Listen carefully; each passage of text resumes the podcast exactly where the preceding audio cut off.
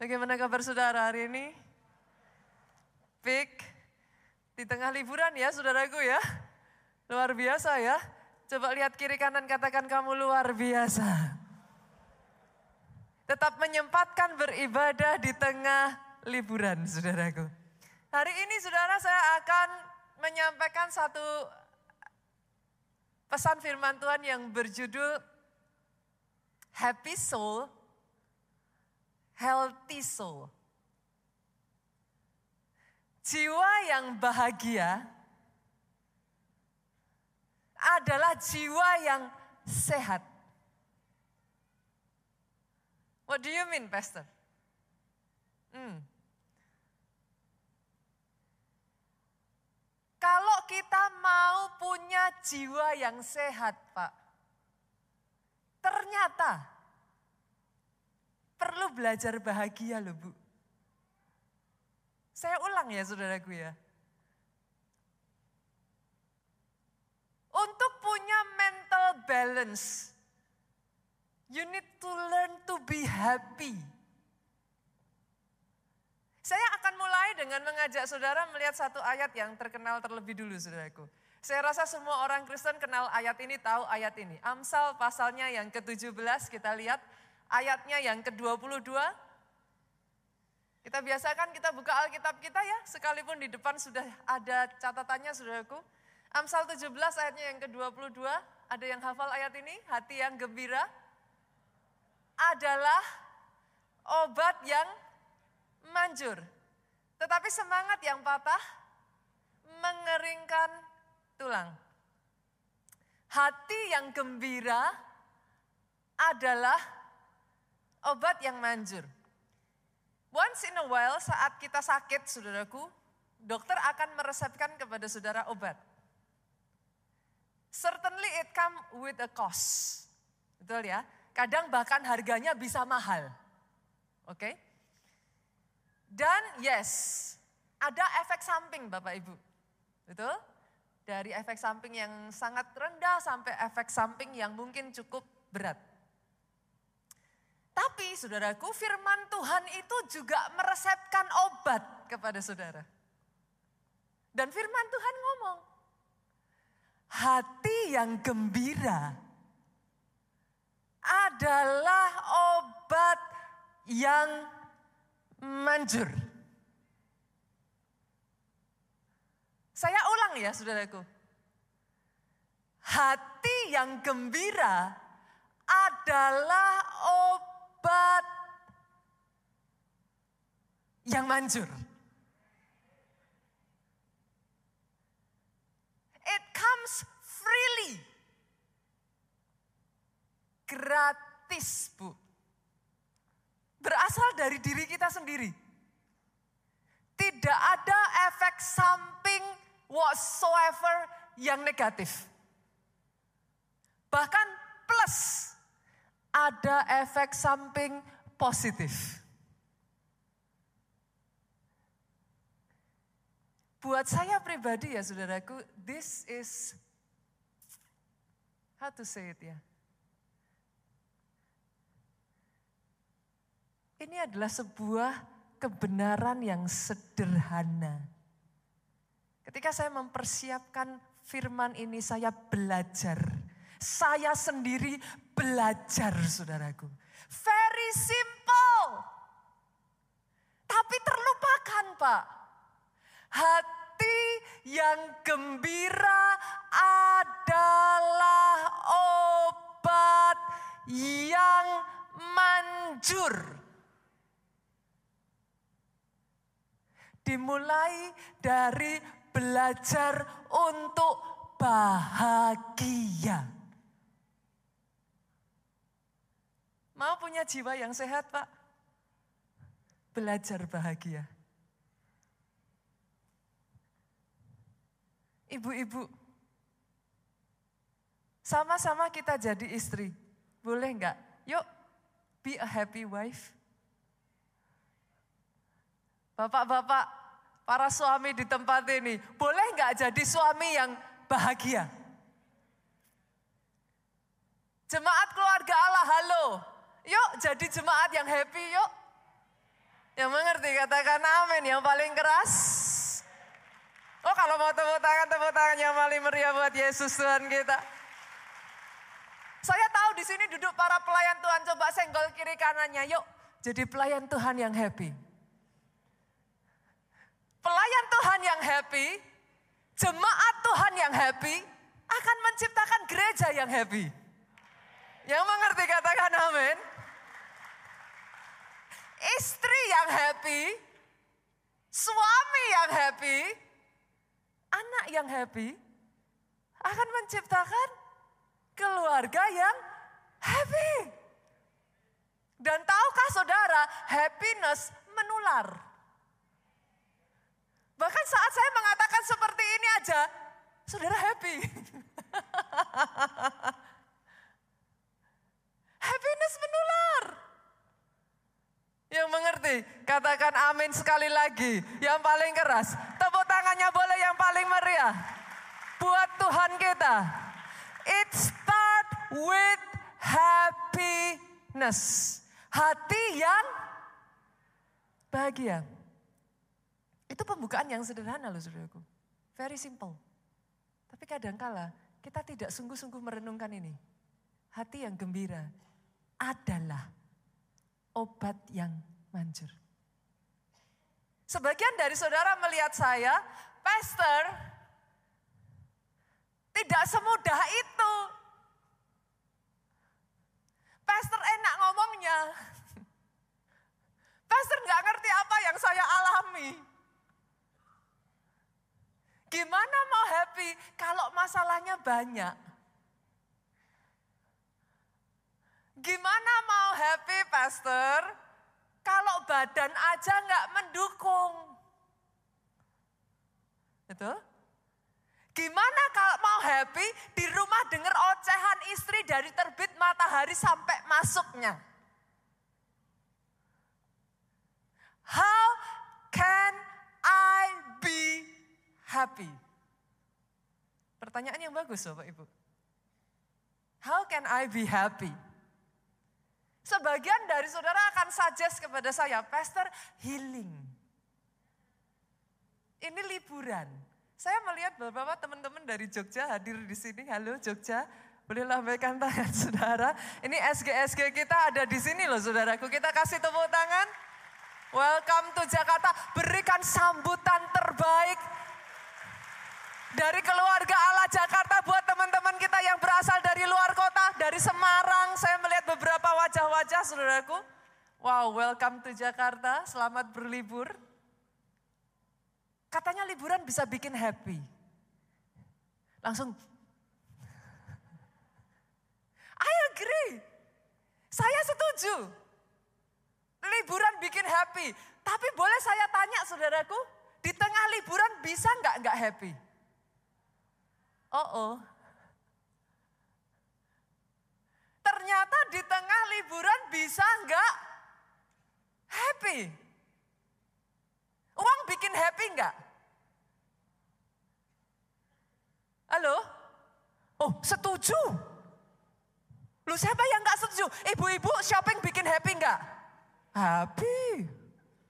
Saya pendeta nggak munafik. Tapi sepakat nggak dengan saya saudaraku?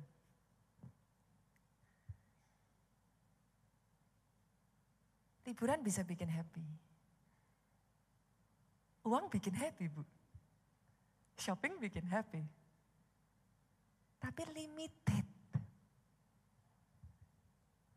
Padahal firman Tuhan itu ngomong, bersukacitalah senantiasa di dalam Tuhan. Sekali lagi kukatakan bersuka citalah. Sepakat dong kita yang mengerti bahasa Indonesia ini kalimat perintah. Yang sepakat katakan amin. Ini bukan tanda tanya kan saudaraku, bukan kalimat tanya kan certainly ya. Bersukacitalah adalah perintah. Kalau Alkitab bisa memerintahkan kepada kita bersukacitalah Bisa memerintahkan kita loh saudaraku. Bersukacitalah. How can it be?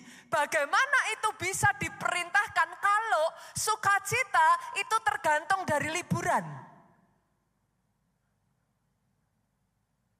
Artinya, kalau nggak ada liburan, nggak sukacita dong. Halo? Bagaimana bisa diperintahkan bersuka cita kalau ya oke okay lah uang bikin kita happy. Pertanyaannya kalau happiness itu dari uang, lah kalau pas nggak ada uang. Halo? Alkitab bahkan memerintahkan dengan lebih ngeri lagi saudaraku. Di sana dikatakan bersukacitalah senantiasa. Oh oh, Berarti bisa, Pastor, bersuka cita senantiasa. What do you think? Enggak bisa, Bu. Lah kalau enggak ada uang, enggak jadi liburan.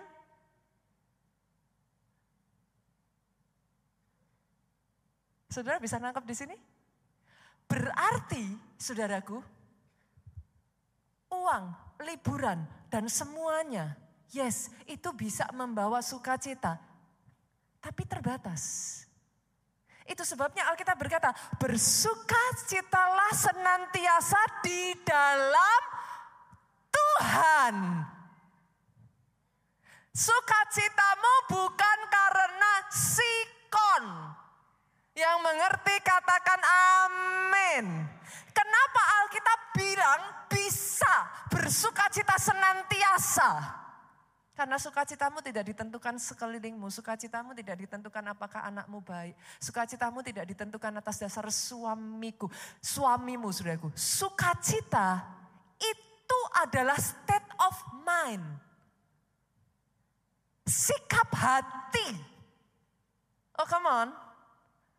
Sukacita adalah sikap hati. Itu sebabnya Alkitab berkata, bersuka citalah. Saudara bisa memerintahkan diri saudara sendiri. Ayo bersuka cita now. Karena sukacita bukan karena sikon.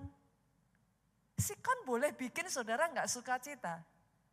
Tapi kalau saudara menyadari Yes, Pastor. Sukacita ternyata bukan dari keadaan di sekeliling kita. Sukacita ternyata pilihan.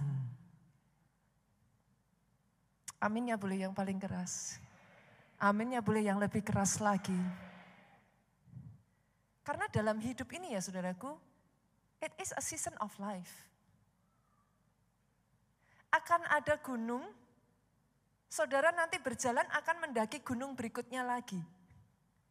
Akan ada season di mana saudara itu naik gunung mengejar impian. Akan ada season di mana saudara ada di puncak gunung. Akan ada season saudara turun dari gunung. Kemudian saudara akan mengejar gunung berikutnya. Kalau saudara hanya bisa happy di atas puncak gunung, what a pity. Yang mengerti katakan amin. Sukacita bukan situasi, keadaan, suami, istri, anak. Sukacita adalah sikap hati, pilihanmu. Sejak dari hari ini saudaraku, ambil pilihan, ambil keputusan, dimulai. Yuk, latih hatimu untuk bahagia. Enggak ada ya sekolah untuk mendidik hati bahagia, saudaraku. Padahal firman Tuhan berkata hati yang gembira adalah obat yang manjur. Itu akan membawa pemulihan buat jiwamu. Mendatangkan kesembuhan buat tubuhmu. Bahkan itu akan membuat kreativitasmu berkembang in the end saudaraku, itu akan membuat berkat anugerah itu turun atas kehidupan saudara. Boleh saya dengar amin yang paling keras dari tempat ini? Amin lebih keras lagi. Jadi, jadi, jadi atas hidupmu. Dan saya belajar di dalam perjalanan kehidupan saya saudaraku. resep utama hidup bahagia itu belajar untuk mencukupkan diri. Learn to be content. Belajar untuk mencukupkan diri, saudaraku. Kita buka ayo ayatnya di dalam Filipi pasalnya yang keempat, ayatnya yang ke-11 sampai yang ke-12. Amazingnya saudara, orang yang sama yang mengatakan bersukacitalah senantiasa di dalam Tuhan. Sekali lagi kukatakan bersukacitalah adalah orang yang sama yang menulis ayat ini saudaraku. Filipi 4 ayat yang ke-11 sampai ayat yang ke-12 mengatakan demikian. Kukatakan ini kata Paulus bukan karena kekurangan kalau Paulus ngomong ini bukan karena kondisi Paulus pada saat itu sedang kekurangan. Sebab kata Paulus, aku telah belajar mencukupkan diri dalam segala keadaan. Dalam bahasa Inggrisnya dikatakan in any and every circumstance. Dalam setiap keadaan dan situasi, I have learned the secret of contentment. Aku belajar dalam segala hal ini mencukupkan diri. Aku tahu apa itu kekurangan. Buat Paulus ternyata dia tahu, aku tahu apa itu kelimpahan. Dalam segala hal, dalam segala perkara, kata Rasul Paulus saudaraku, tidak ada sesuatu yang merupakan rahasia bagiku. Paulus sudah pernah ngalami kenyang, baik dalam hal kenyang maupun dalam hal kelaparan. Dia pernah sampai kelaparan. Baik dalam hal kelimpahan, dia pernah berkelimpahan begitu rupa tidak kurang satu apa pun saudaraku. Maupun dalam hal kekurangan. Saudara mau bahagia? Belajar merasa cukup. Satu kali saudaraku, ini contoh yang kontras. Saya pergi sama dua anak saya. Anak saya yang paling besar dan anak saya yang paling kecil. Anak saya yang paling kecil, seperti mamahnya saudaraku, suka shopping. Saudara. Setiap kali saya ajak dia pergi saudaraku, tempat stopnya banyak pak. Dia akan minta berhenti di sini, mami beliin ini. Oke, kita beli. Jalan lagi saudaraku. Ding, ding, ding, ding, ding. Mami, mami beli ini. Oke. Sampai satu kali dia pergi ke satu toko, anak saya ini suka squishmallow. Saudara tahu squishmallow enggak saudaraku? Ibu-ibu yang punya anak kecil tahu squishmallow. Itu boneka ya saudara, kalau dipegang, ih, rasanya pengen ditonjok saudaraku. Dia tuh kalau dipegang tuh kan, uh, gitu saudara. Singkat cerita, anak saya ini ngumpulin squishmallow. Dia belilah squishmallow, dia koleksi saudaraku. Dia beli, di rumah itu udah punya banyak saudara. Jalan-jalan-jalan dengan tangannya tuh masih pegang satu plastik belanjaan. Dia bilang sama saya, mami, mami, mami. Lah masalahnya keluarlah seri baru Squishmallow. Saudaraku. Saya bilang, non di rumah itu udah banyak. Iya, tapi yang ini Jen belum punya. Ya tahu. Tapi kan banyak. Tapi yang ini belum punya. Saya decide, saudaraku, udah punya banyak di rumah. Dia punya satu genggam belanjaan di tangan. Saya katakan kepada anak saya, oke okay, Jen, no. Enough. Jen gak usah beli lagi ya, ini sudah lebih dari cukup. Yang di rumah aja masih ada yang dijejer-jejer belum dibuka dari plastik. Enough, no need squeeze mellow saya bilang. Enggak usah. Saudara bisa tebak dong apa yang terjadi pada anak saya ini? Sedetik yang lalu dia berjalannya begini. In a moment, happiness gone. Happy-nya hilang. Dengan kondisi pegang satu tas belanjaan dan di rumah sangat banyak squishmallow. Dia kehilangan happinessnya gara-gara satu Squishmallow seri baru yang tidak diizinkan maminya untuk dibeli. Sudah mengerti yang saya maksudkan? Happiness is a state of mind. Di saat bersamaan saudaraku, saya jalan sama anak saya yang besar. Saya jalan-jalan, jalan-jalan, jalan. Anak saya yang pertama ini kayak dedinya, nggak suka shopping.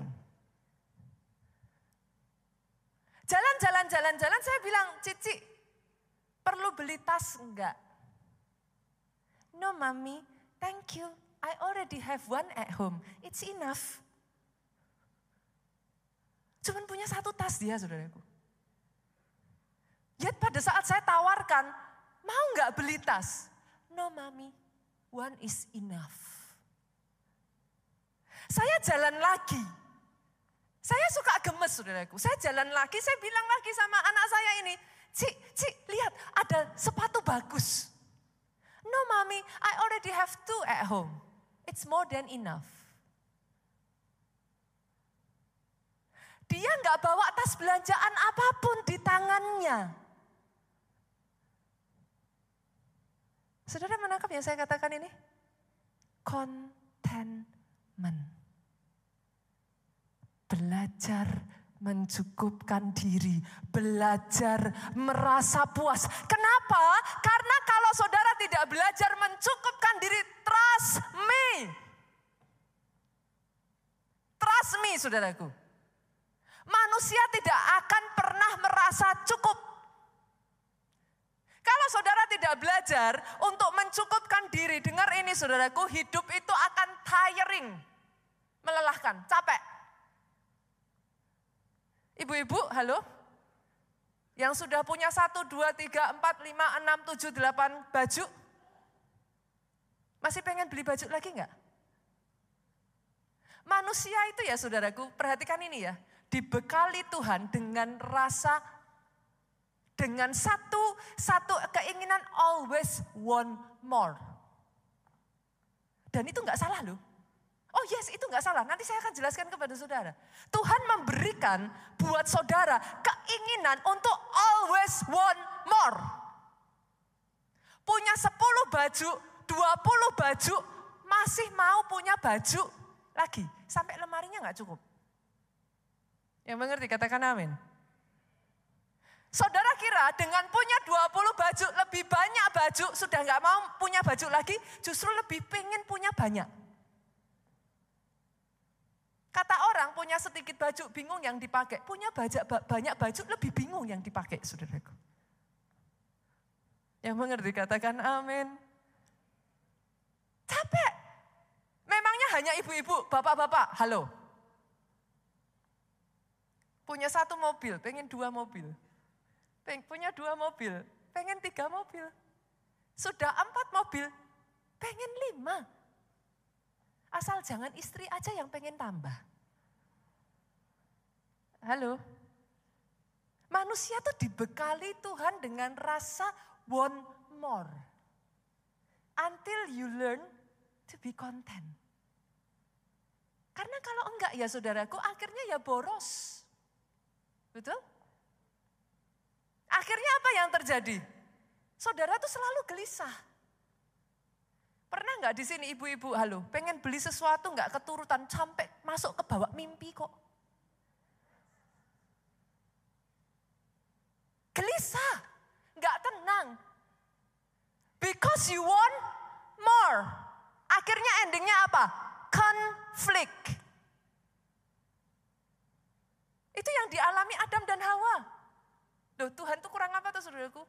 Alkitab tuh ngomong gini, semua buah yang ada di taman ini boleh kau makan. Taman Eden itu besar loh Pak.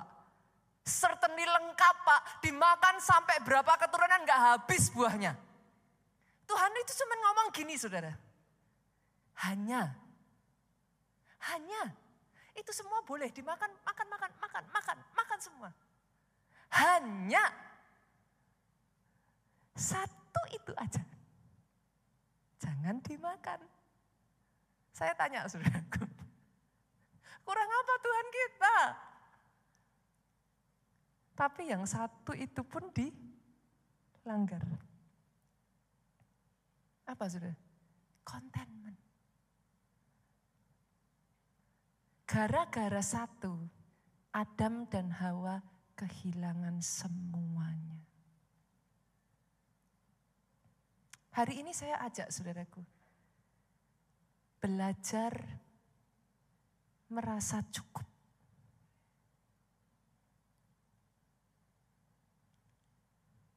Kenapa? Karena kalau tidak, yang pertama, trust me saudaraku. Saudara akan terus membandingkan diri dengan orang lain.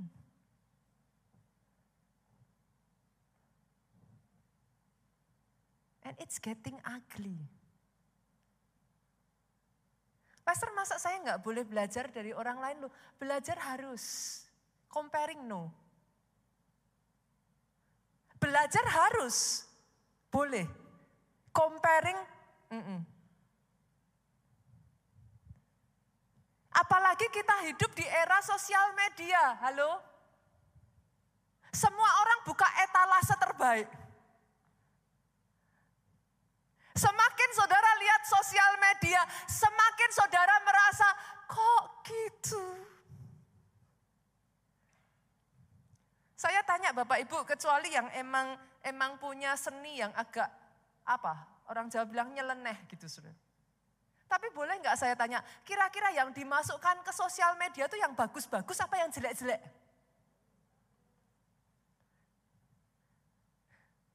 Percayalah kepada saya saudaraku, itu peluan disetting di depan kamera disuruh sama yang moto. Dipeluk, dicium sambil yang foto bilang stop, stop, stop di situ. Saudara nggak lihat saat bertengkarnya. Habis selesai itu kecapean semua, kamu tadi kenapa sih disuruh begitu lama sekali? Itu nggak dimasukkan ke sosial media saudaraku. Bagian itunya diedit. Yang mengerti katakan amin. Semua yang ada di sosial media, saudara berfoto di depan Lamborghini, klik, belum tentu mobilnya.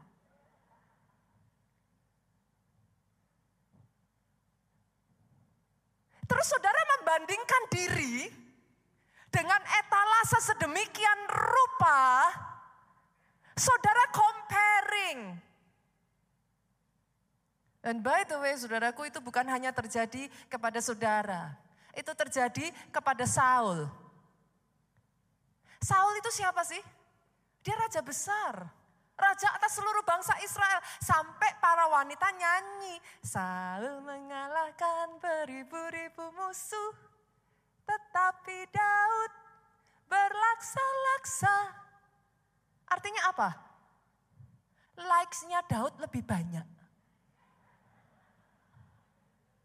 Saul lihat, aku raja. Lah kok followerku cuma beribu-ribu.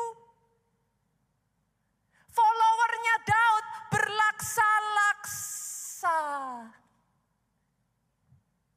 Oh, come on. Saya belajar dari suami saya, saudaraku. Setiap kita, saya adalah hamba Tuhan, saudaraku. Saya menggembalakan gereja. Uh, maybe I, once in a while I will compare with the other pastor. Saudara pengusaha, Saudara akan lihat pengusaha lain. Once in a while you will compare with the other businesswoman or businessman. Saudara yang di sini mungkin I don't know apa, ibu rumah tangga. Once in a while saudara akan bandingkan dengan ibu rumah tangga yang lain. Atau I don't know gitu. Apa yang di bagian saudara? Mungkin saudara punya toko lah ataukah seorang dokter lah. Once in a while saudara akan comparing dengan another doctor atau another professional. Hanya karena pendeta lain dipakai Tuhan, diberkati lebih maju. Halo, bukan berarti Tuhan tidak sayang dan memberkati saudara, memberkati saya, memberkati gereja ini yang mengerti katakan amin. Hanya karena satu pengusaha lebih viral, tidak berarti anugerah Tuhan atas hidupmu hilang. Setiap kita punya pertandingan kita masing-masing, Pak. Setiap orang punya porsi dan berkatnya masing-masing. Belajar harus comparing no. Kenapa? Karena kalau enggak hati-hati, munculnya akhirnya iri. Saul jadi ngejar Daud, bunuh Daud gara-gara apa? Iri. Saudara mungkin tidak melempar tombak kepada Daud. Pastor saya enggak sengeri itulah, pastor saya enggak lempar tombak ke musuh saya. Ya tapi tombak mulut itu kadang lebih lebih tajam loh saudaraku daripada tombak sungguhan. Halo? Dengan perkataanmu saudara membunuh orang lain loh. Kenapa? Iri. Kalau enggak iri, yang ada self pity Kenapa pastor? Yang itu kok lebih ini? Saya gak punya masa depan. Kenapa? Comparing. Padahal momen dan waktu Tuhan atas pribadi, lepas pribadi, lepas pribadi berbeda. Tuhan mengangkat satu orang di satu waktu. Bukan berarti Tuhan tidak akan mengangkat engkau. Akan tiba waktunya. Dia preparing you Ketika waktunya tiba, dia angkat saudara dan orang lain yang akan melihat kepada saudara dan geleng-geleng kepala saudaraku. Setiap kita punya season in life.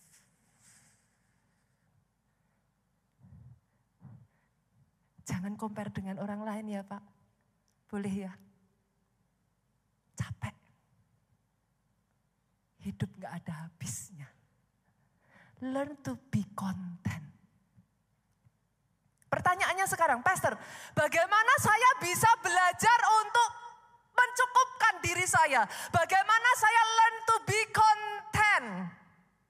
Kalau keadaannya tidak ada yang bisa saya puas. Belajar dari satu orang yang namanya Musa, saudaraku. Masih ingat kisah ketika Musa membunuh orang Mesir? Apa yang terjadi? Musa diusir, saudaraku, Musa lari, saudaraku. Kita lihat ya, kita baca aja, keluaran yuk. Pasalnya yang kedua, kita lihat yuk, ayatnya yang ke-15. Apa yang terjadi pada Musa waktu itu?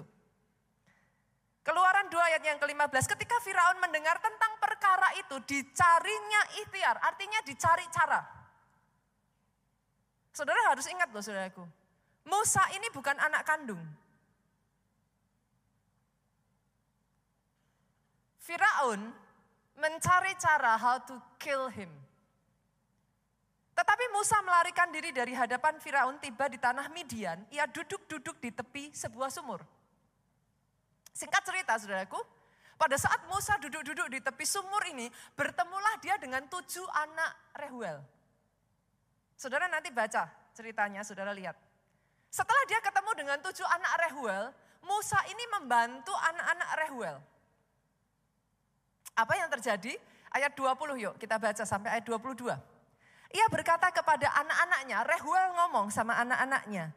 Di manakah ia? Karena anak-anaknya cerita. Ada satu orang bernama Musa membantu mereka. Rehuel ngomong, di mana dia sekarang? Mengapa kamu tinggalkan orang itu? Panggillah dia makan. Rehuel panggil Musa, ajak Musa ayo makan. Lihat ini saudaraku, ada satu ayat ini yang sering terlupakan. 21 mencatat begini, Musa bersedia tinggal di rumah itu. Dalam bahasa Inggrisnya dikatakan begini, and Moses was content to dwell with the man. Musa konten, Pak. Musa puas Musa menerima keadaannya. Saya tanya, apakah itu karena rumahnya Rehuel lebih bagus, saudaraku? Come on, jangan lupa loh Pak, siapa Musa? He is the prince of Egypt. Dia pangeran Mesir Pak. He has everything Bu. Rumah Rehuel nothing compare dengan tempat tinggalnya Musa. Tapi Alkitab mencatat, Moses was content. In every season, seperti yang saya katakan tadi saudaraku, kita dibawa Tuhan itu masuk setiap season itu berbeda. Akan ada season di mana saudara mendaki bukit itu dan terasa berat. Akan ada season saudara ada di atas puncak itu and you celebrate. Akan ada season di mana kau menuruni gunung itu untuk mendaki gunung berikutnya. In every season, season kehidupan Musa saat itu, dia konten. Dan tahukah saudara ada kabar baik dari orang yang bisa merasa cukup. Lihat, kita baca ya ayat ini. Apa yang terjadi ketika ayat ini ngomong Moses was content. Next, ayat ini berkata begini. Lalu diberikan Rehuelah Sipora anaknya kepada Musa. Yes, diizinkan mengalami masalah. Yes, diproses tapi ketika kau belajar ekres, mencukupkan dirimu, belajar puas, ada berkat di balik itu semua. Oh saya nggak dengar kata yang amin yang paling keras dari Pik. Aminnya boleh yang lebih keras lagi Pik, come on. Aminnya boleh lebih dahsyat lagi Pik. Ketika kau belajar untuk konten, ada anugerah Tuhan. Kadangkala ya saudaraku, di tengah masalah, ketika kita hanya melihat masalahnya, kita miss the whole part. Pertanyaannya sekarang pastor, how can I be content? It's easy to be content kalau kita punya semua yang dibutuhkan. Pastor bagaimana kalau keluargaku not a perfect family? How can I be content? Pastor bagaimana kalau keadaanku, kesehatanku not in a good shape? How can I be content? I wish, saya berharap saya kayak si A, I wish, saya berharap kayak si B. How can I be content? Yang pertama saudaraku, belajar.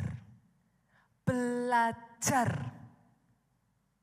Oh, Sungguh-sungguh saudaraku, ini satu rahasia. Kalau saudara hidupi ini sungguh-sungguh di dalam kehidupan saudara. Oh, hidupmu akan berubah. Belajar saudaraku. Bersyukur. Bersyukur atas keberadaanmu. Bersyukur atas apa yang Tuhan berikan di tangan saudara. Yang mengerti katakan amin yang paling keras. Belajar bersyukur. Mau happy saudara? Bersyukur. Dalam hal ini saya belajar dari Bapak Gembala kita ya saudaraku, Pastor Obajaya. Saya tuh salut loh dengan Pastor Obaja, saudaraku. Pastor Obaja itu akan selalu mengatakan kepada istrinya, di depan anak-anak saudaraku, sering kami kalau pergi bahkan di depan jemaat, beliau akan berkata, ini istri yang paling cantik, paling baik, istri yang the best dari Tuhan.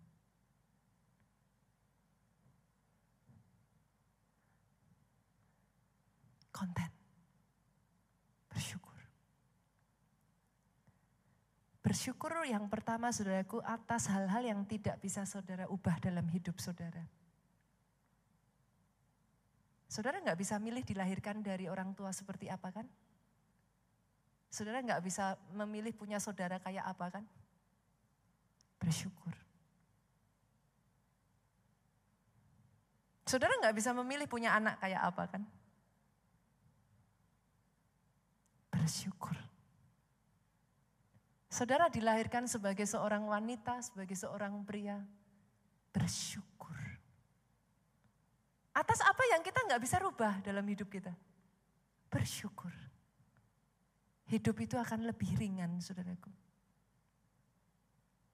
Yang kedua, bersyukur atas apa yang ada di tangan kita.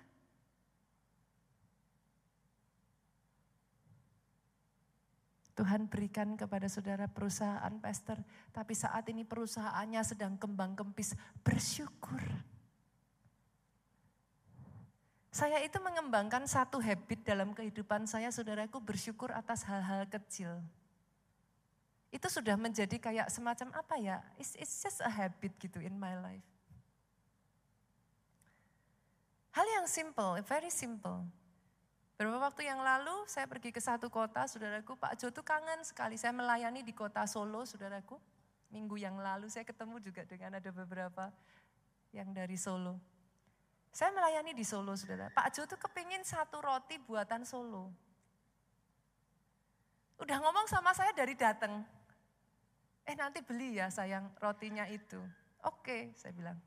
Entah, entah gimana karena kegiatan aktivitas, aktivitas, aktivitas saya itu uh, hilang saudaraku lupa aja gitu.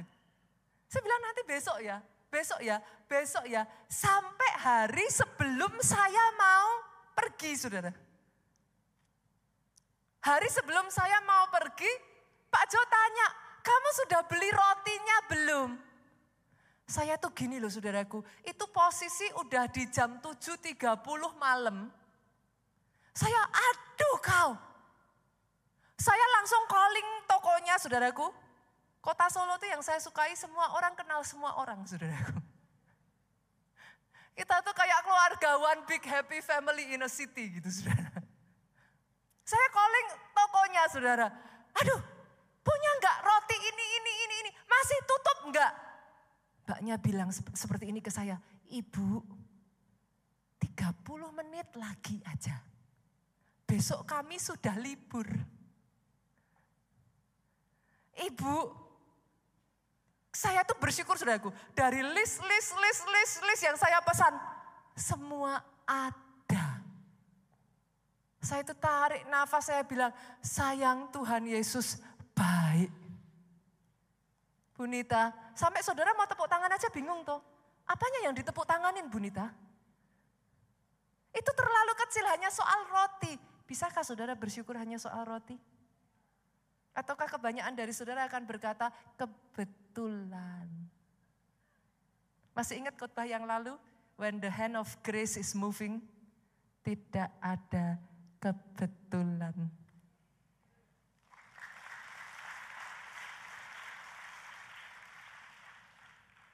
Satu ketika saudaraku, nah ini lebih mungkin lebih membuat saudara mengerti. Kita sedang ada di jalan tol, Kondisi hujan deras Pak. Anak saya yang kecil itu kepingin buang air kecil saudaraku, kepingin pipis. Udah kebelet banget, mami I wanna pee, mami I wanna pee. Gitu. Pas kita itu naik, saudara tahu ya kalau dari Jakarta itu tol MBZ. Tahu kan? Itu tolnya tuh panjang saudara.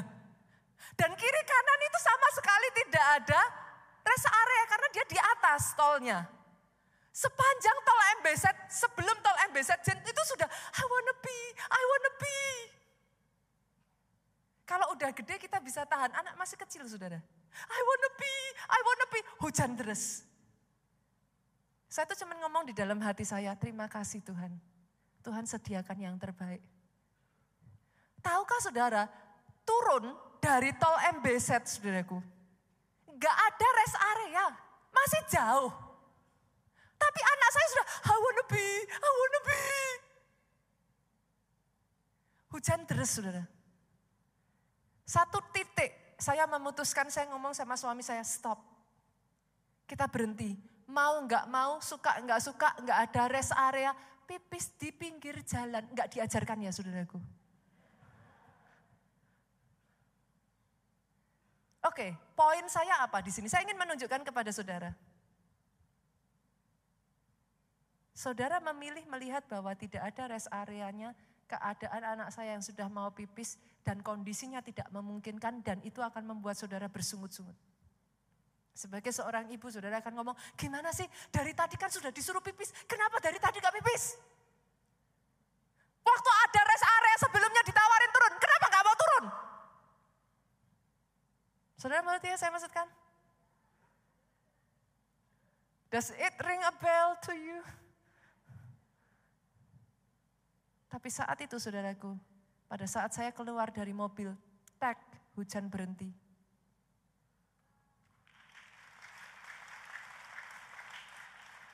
Saya gendong anak saya. Itulah pekerjaan ibu, saudaraku. Hari Minggu saya khotbah di sini. Di bawah saya ngangkat anak saya, saudaraku. Saya angkat anak saya, saya bantu, saya pipiskan. Saya tertawa bersama anak saya. Saya katakan kepada anak saya, Tuhan Yesus baik. Kita nggak kehujanan. Jen nggak ngompol di mobil. It's simple. Saya tanya, Which one you choose? How can I be content, Pastor? Belajar yuk. Semua yang benar, semua yang mulia, adil, tulus, dan yang manis. Semua yang indah, yang layak didengar, pikirkanlah semua itu. Saudara milih untuk sum ke mana? Masalah? Atau sum tetap ada pertolongan Tuhan di tengah masalahmu? Karena selalu ada alasan saudaraku. Which one you choose?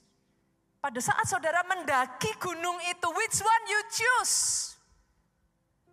Melihat batu kerikil tajam yang menyakiti kaki saudara, saudara harus naik menanjak begitu capeknya atau saudara bisa melihat ke atas bintang di langit yang begitu indahnya dan saudara berkata, "Wow, it's a beautiful journey." Which one you choose? Kebahagiaan adalah state of mind. just to be happy. Karena hidup ini nggak akan pernah ada puasnya, saudaraku. Saya tidak mengatakan, Pastor, apakah artinya saya nggak boleh punya visi yang besar? No, nggak bisa, saudara. Tuhan yang besar memberikan saudara perkara besar. Punya keinginan one more itu salah nggak? Enggak, tapi belajar mencukupkan diri di setiap season, itu yang Tuhan mau. Visi harus besar Pak, jangan dikecilkan. Tapi di season saudara mendaki visimu itu, belajarlah untuk terus bersyukur. Atas setiap hal yang diizinkan terjadi, bersyukur. Kenapa bersyukur itu menyenangkan hati Tuhan? Boleh saya kasih secret di akhir khotbah saya ini saudaraku. Di dalam bersyukur ada iman. Di dalam bersyukur ada iman. Pada saat engkau bersyukur, engkau setuju dengan Tuhanmu, dan engkau berkata kepada Tuhanmu regardless apa pun yang aku alami, aku tahu engkau punya pilihan yang terbaik dalam hidupku. Aku bersyukur karena aku tahu. Secretnya saudaraku. Pelajari ini. Banyak orang tidak memikirkan hal ini. Lihat ini. He is the Alpha. He is the Omega. Ketika saya belajar firman ini Tuhan bukakan itu dalam benak saya. Maksudnya apa Pak? Dia yang mulai A-nya. Kita mengerjakan B, C, D, E, knowing mengerti bahwa dia menunggu kita di garis finish di sana. Setnya sudah dia selesaikan.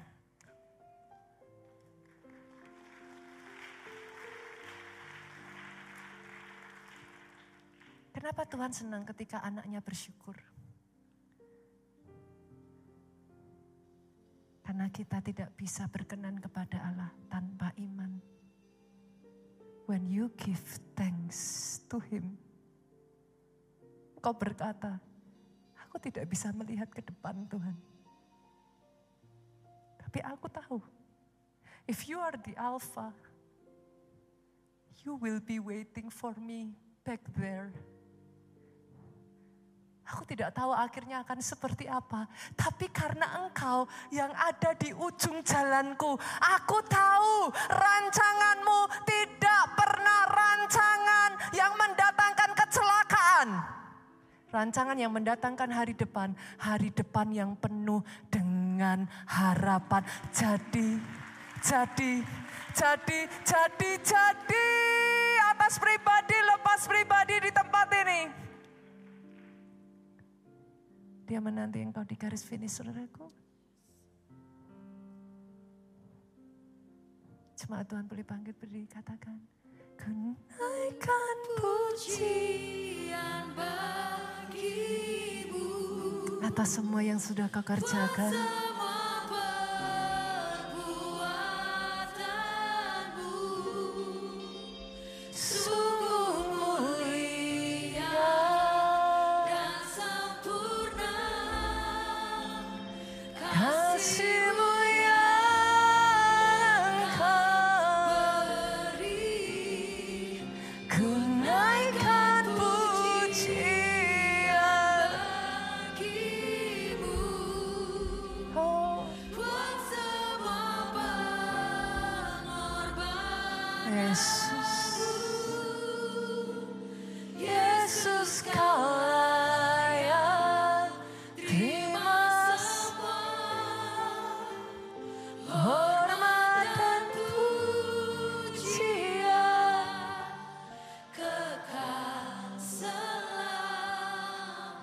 Musik pujikan lagu ini.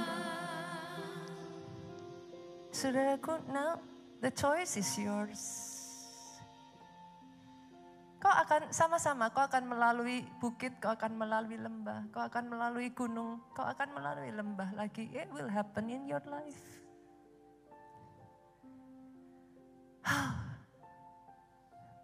Ternyata sesederhana learn to be happy, saudaraku. Hidup ini. Happy soul, healthy soul.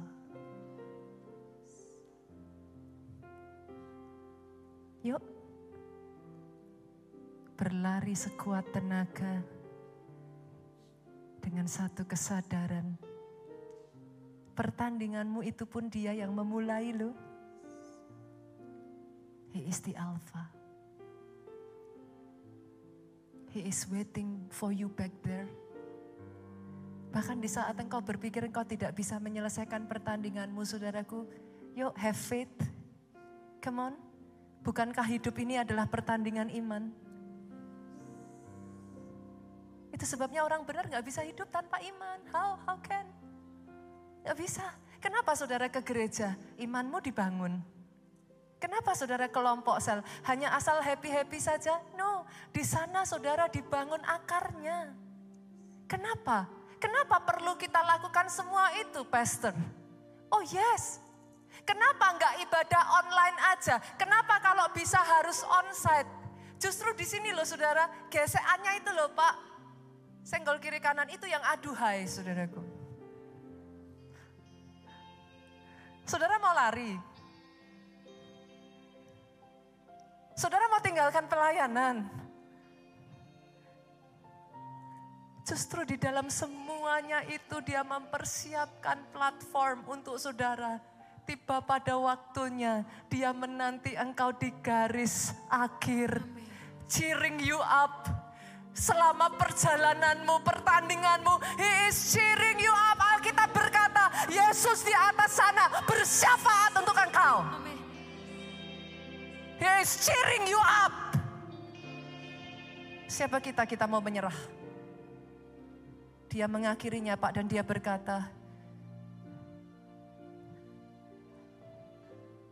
It is finished.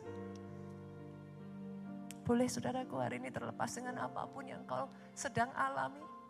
Bahkan nanti selama kau berlibur apa yang akan engkau alami. Atau nanti setelah ini Pak, apa yang akan terjadi?